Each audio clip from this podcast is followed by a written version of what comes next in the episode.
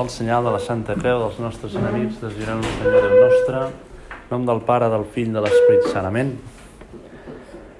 Senyor meu i Déu meu, crec fermament que sou aquí, que em veieu, que m'escolteu, us adoro amb profunda reverència, us demano perdó dels meus pecats i gràcia per fer fruit aquesta estona d'oració. Mare meva Immaculada, Sant Josep, Pare i Senyor meu, àngel de la meva guarda, intercediu per mi.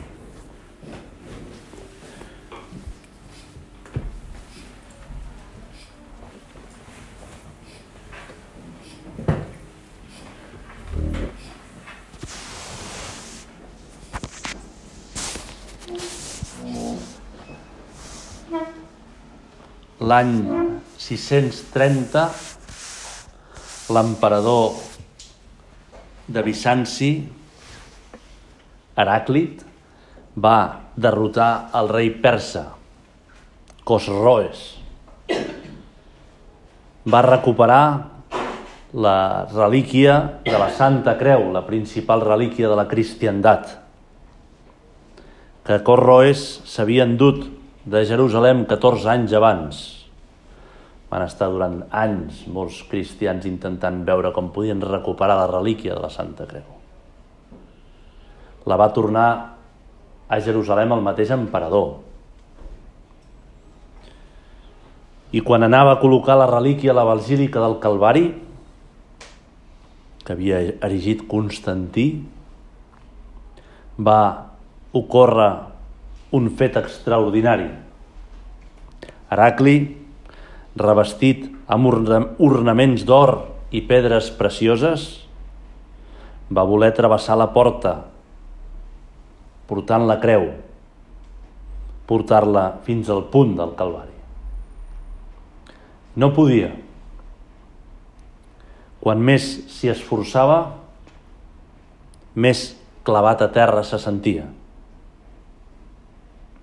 Tot el poble el mirava expectant, com és que el gran emperador que ha batallat per recuperar la creu no és capaç de portar la creu. Tothom estava sorprès. Després de un instants de sorpresa, de vergonya, de tràngol, el bisbe de Jerusalem, Zacarias, es va acostar a l'emperador i li va fer notar que amb aquells vestits de triomf no eren adequats a la humilitat amb què Jesús havia creuat aquella porta cap al Calvari. Immediatament l'emperador es va treure els luxosos vestits, es va descalçar i vestit com un home qualsevol amb els peus descalços, va tornar a carregar la creu. I aquest cop sí, la va poder portar fins al lloc corresponent. Aquesta lectura es meditava antigament en la festa de l'exaltació de la Santa Creu. I és l'origen d'un costum que hi ha el divendres sant, quan es venera la creu, en què el mossèn es treu la casulla i, si pot, es descalça. I el que ho fa més pròpiament és el papa.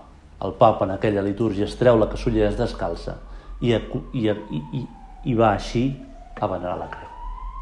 Fer la genuflexió davant la creu, donar-li un petó a la creu. Simbolitzant que per acostar-nos al crucificat abans ens hem de desprendre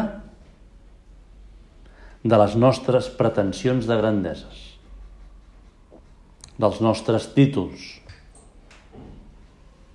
en una paraula, de tot el nostre orgull i de tota la nostra veritat.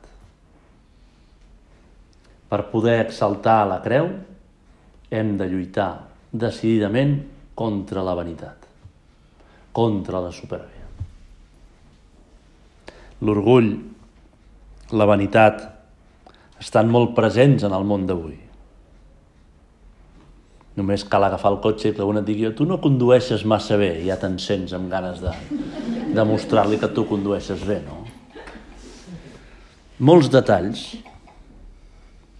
Mentre exteriorment menyspreem l'orgull i la vanitat, criticant l'actitud d'aquells que la manifesten, interiorment pot créixer més o menys amagadament. Hi ha una cultura de la imatge, del quedar bé, que es parli bé de mi, que em tinguin en compte, han explicat aquesta història i no m'han citat a mi, jo també hi era. A vegades també per la part contrària, un desànim per les coses que no surten, un sentir-se una miqueta eh, el patito feo, o a vegades també una facilitat per la crítica. La queixa, un judici negatiu a la comparació. Són totes manifestacions que tenen un arrel, Jesús, de vanitat o d'orgull. Nosaltres ens acostem a la teva creu, Jesús. Nosaltres ens agenollem davant la teva creu. Nosaltres posem roses a la teva creu. Venim i et donem un petó. I sabem que hem de fer aquest propòsit, lluitar amb decisió contra la soberbia. Buscar les arrels amagades que tu, Senyor, ens vas veure en la nostra oració personal.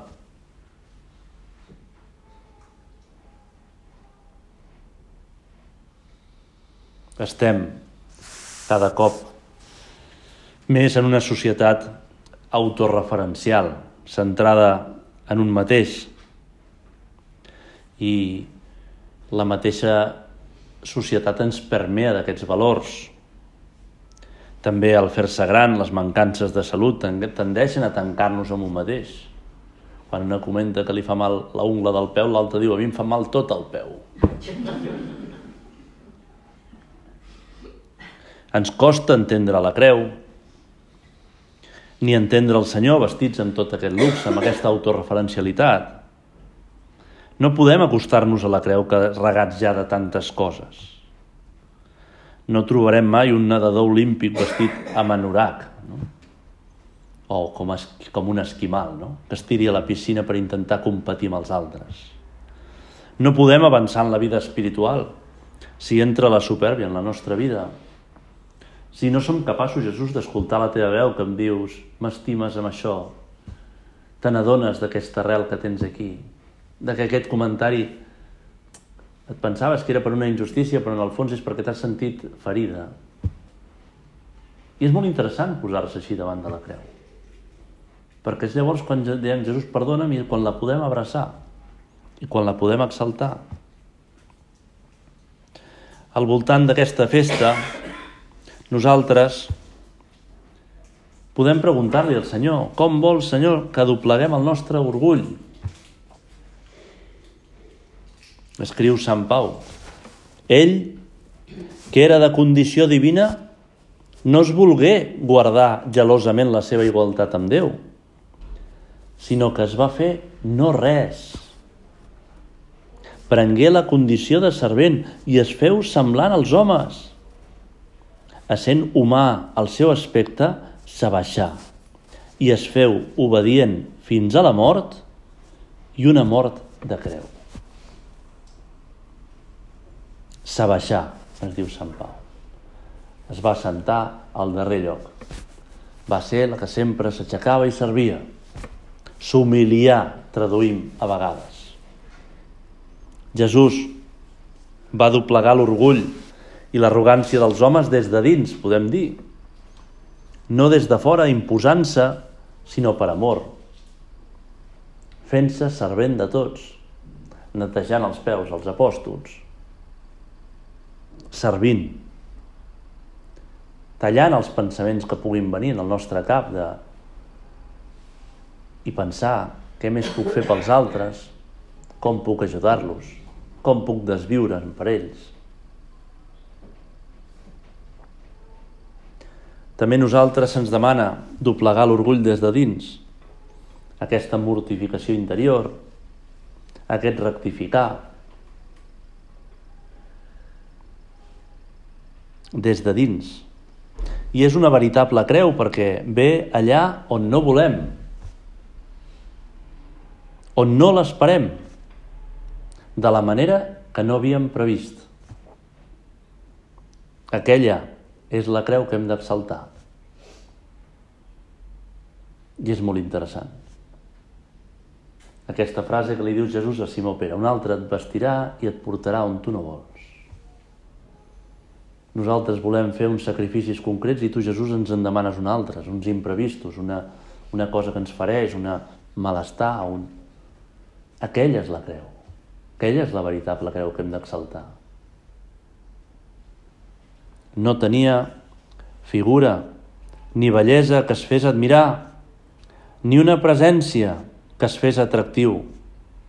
Era menyspreat, rebuig entre els homes, home fet al dolor i acostumat a la malaltia, semblant a aquells que ens repugna de mirar.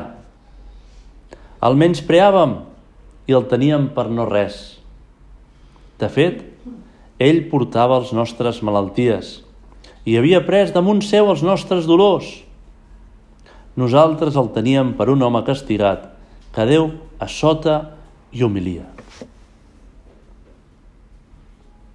Recordo una mare que em deia que li havia impactat molt veure la seva filla plorar davant d'una creu. Què et passa?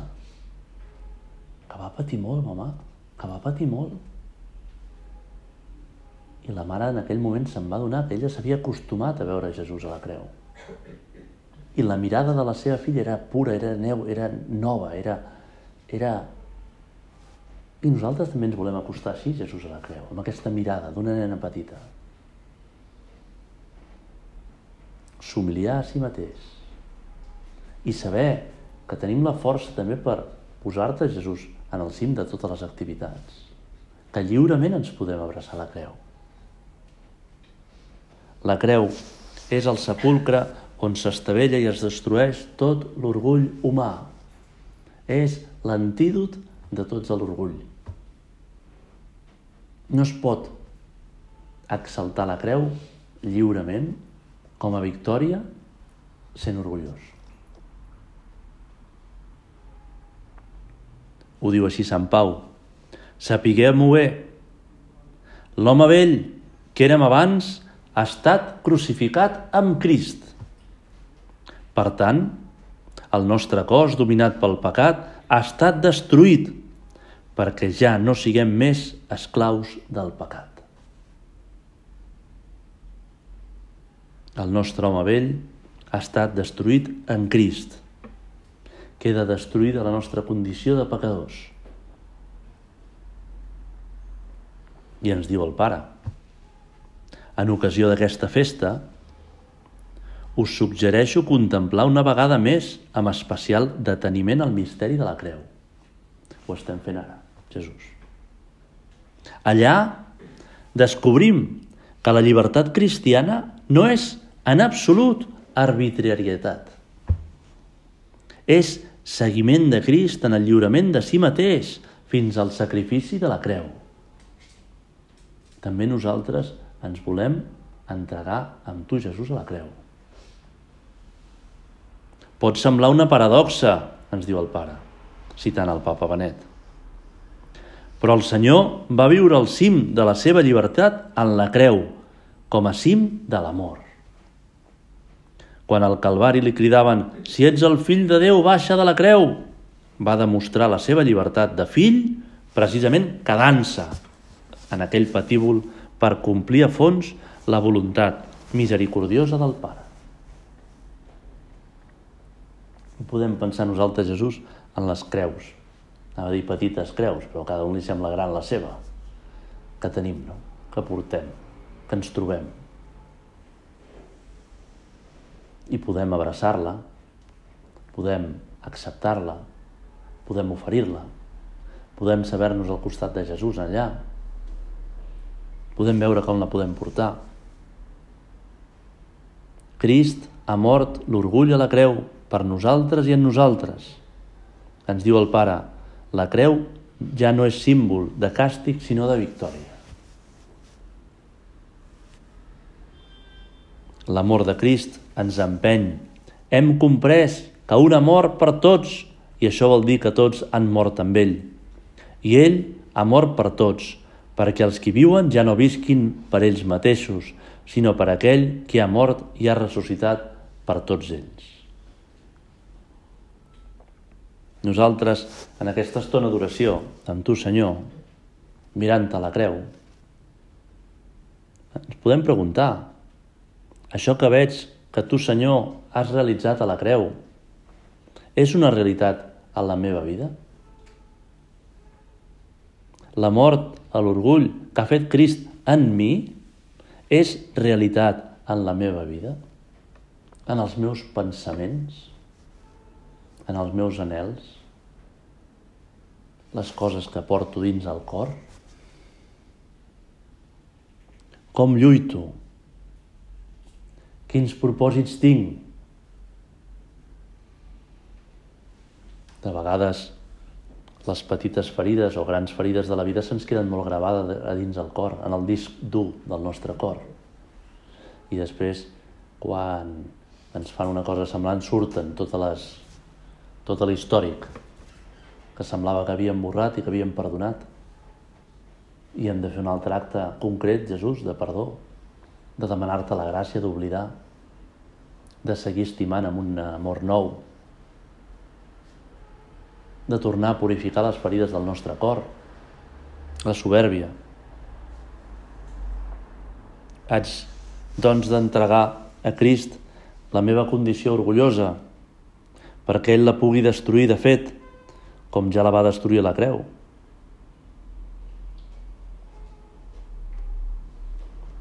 És la primera tentació de l'home, a l'arbre del bé i del mal del paradís, i continua sent la gran temptació de l'home d'avui.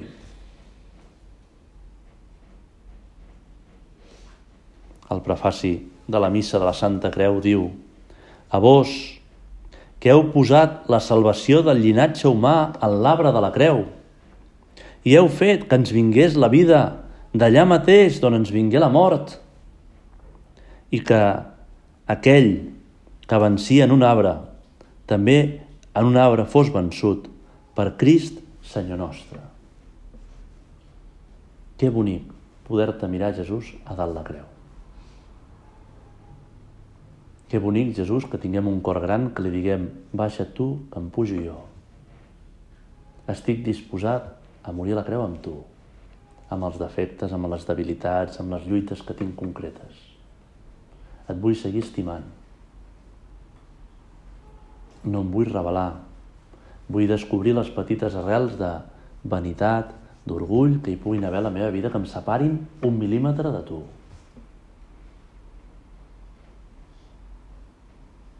És mirant a la creu on descobrim el rebuig que hi pot haver dins nostre el Senyor amb la nostra soberbia.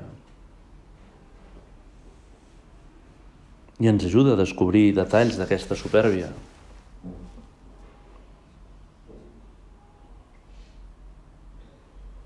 Mirant a Jesús a la creu, li preguntem quins detalls, Jesús, de la meva vida són fruit de la vanitat, o de la supèrbia. A vegades també es fica la vanitat, la supèrbia en el perfeccionisme de fer totes les coses ben fetes, no? de tenir una fulla immaculada de normes. I ens fastidia, Jesús, descobrir que a vegades hem fet les coses per tu, per supèrbia, i no tant per tu. I rectifiquem i tornem a lluitar i ens empassem el, el malestar o el rebús amar que ens ha deixat això, perquè volem fer només per tu. Volem fer només per tu. Volem entregar-te la nostra vida a tu. I cada detall que trobi te l'entregaré i tornaré a lluitar. Me l'empassaré.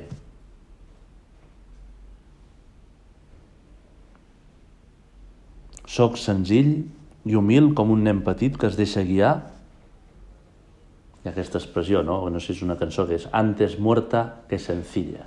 I diu, no, no, no, no, Senzi senzillesa, no? Soc senzill i em deixo dir les coses? Aquesta és una mostra d'humilitat. Em poden dir les coses tranquil·lament en la direcció espiritual, en la confidència, o han de fer de malabarismes, no? Han d'anar a fer la curva, no? Per un altre país per arribar al lloc, no? Senzillesa. La vida, l'obra és un, ens ho deia el nostre pare, és una descomplicació, és treure pells de l'alcarxofa, perquè quedi només el, el nucli. No? Em, sé, em deixo dir les coses, sé escoltar-te, Jesús, sé deixar-me interpel·lar per la vida, aquesta formació permanent de, del Senyor que ens va tocant des de diferents llocs. O em miro molt a mi mateix, em dono voltes, estic pendent de la meva autonomia, de la meva capacitat de fer jo les coses i aconseguir jo fer les coses.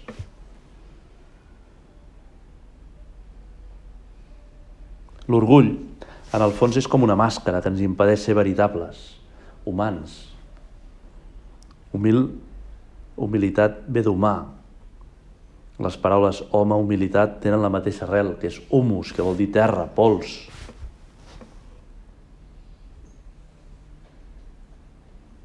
El papa Francesc, en la festa de Sant Ignasi, deia una cita una miqueta llarga,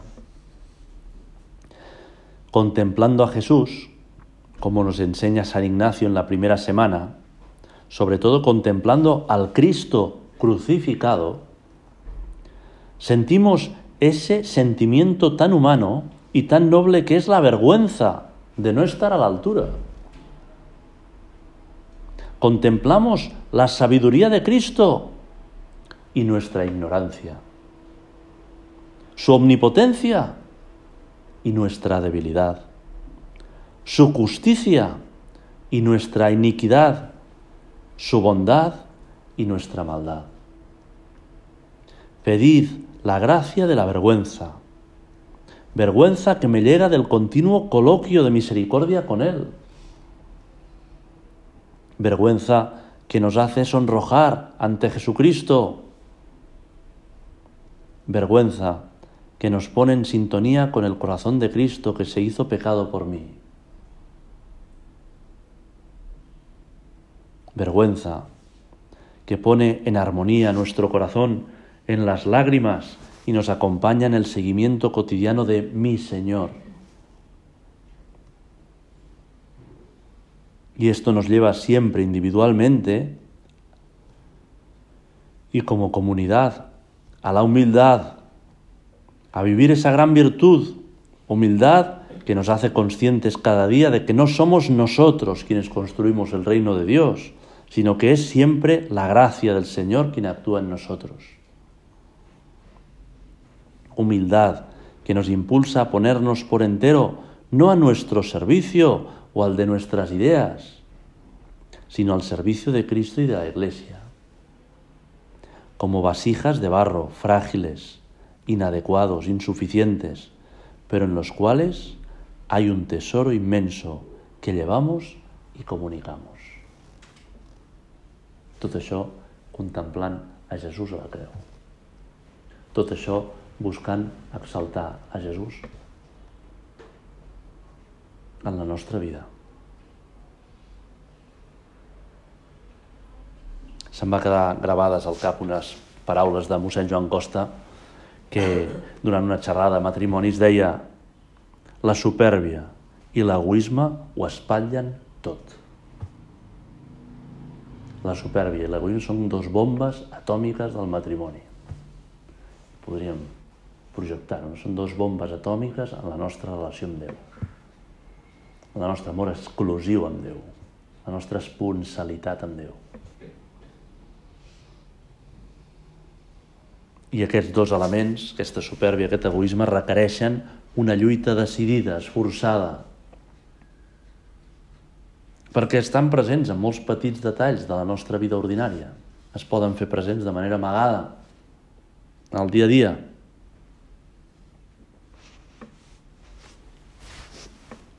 Acabo amb una anècdota que vaig llegir fa un temps d'un llibre. Expliquen d'uns jueus d'una ciutat que sentien curiositat al veure que el seu rabí desapareixia durant unes hores a la vigília del sàbat, de la gran festa dels jueus. Sospitaven que tenia un secret. No sabien què feia. Però era un home tan sant que no els hi semblava que pogués fer ninguna cosa dolenta. Però tenien curiositat quin era aquest secret. Varen encarregar a un la tasca d'esbrinar-lo. I aquest es va proposar seguir-lo en secret a la vigília del sàbat. Va veure que quan es feia fosc sortia de casa. Anava a un barri molt pobre i miserable. Allí el va veure entrar a casa d'una dona paralítica, posar-se a escombrar, rentar i cuinar. Li preparava un menjar especial per la festa del sàbat. Ningú no ho sabia. Quan va tornar, els que li havien fet donat aquest encàrrec de descobrir el secret del rabí, li varen preguntar on ha anat aquest home sant? Què ha fet? ha pujat al cel entre els núvols i les estrelles, ha tingut una revelació mística, l'heu vist transfigurat eh, fent oració? No, els hi va contestar l'espia. Ha pujat molt més amunt. Tots tenim en el cor aquesta espurna de veritat, de saber què és el millor que podem fer que és només celestial. Donar-nos als altres. Hem de lluitar contra aquesta facilitat de vegades d'enganyar-nos, de deixar-nos portar per valors materialistes o de no escoltar, de tancar-nos, humillar-nos per servir, sense demanar res a canvi, amb llibertat perquè ens dóna la gana, sense deixar lloc a comparacions, és que jo he fet tres i ella m'ha fet una.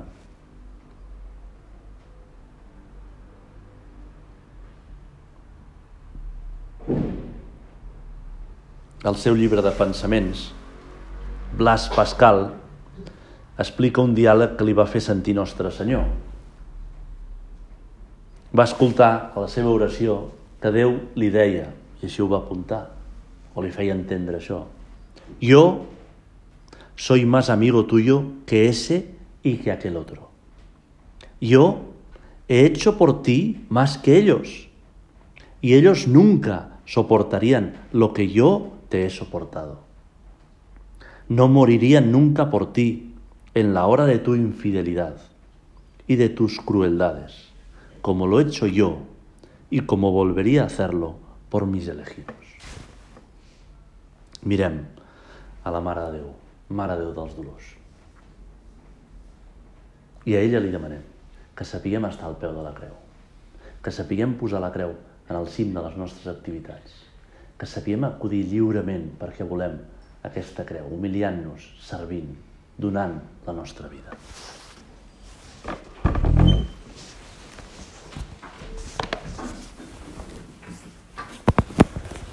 Us dono gràcies, Déu meu, pels bons propòsits, efectes, inspiracions que m'heu comunicat en aquesta meditació. Us demano ajuda per posar-los per obra. Mare meva Immaculada, Sant Josep, Pare i Senyor meu, àngel de la meva guarda, intercediu per mi.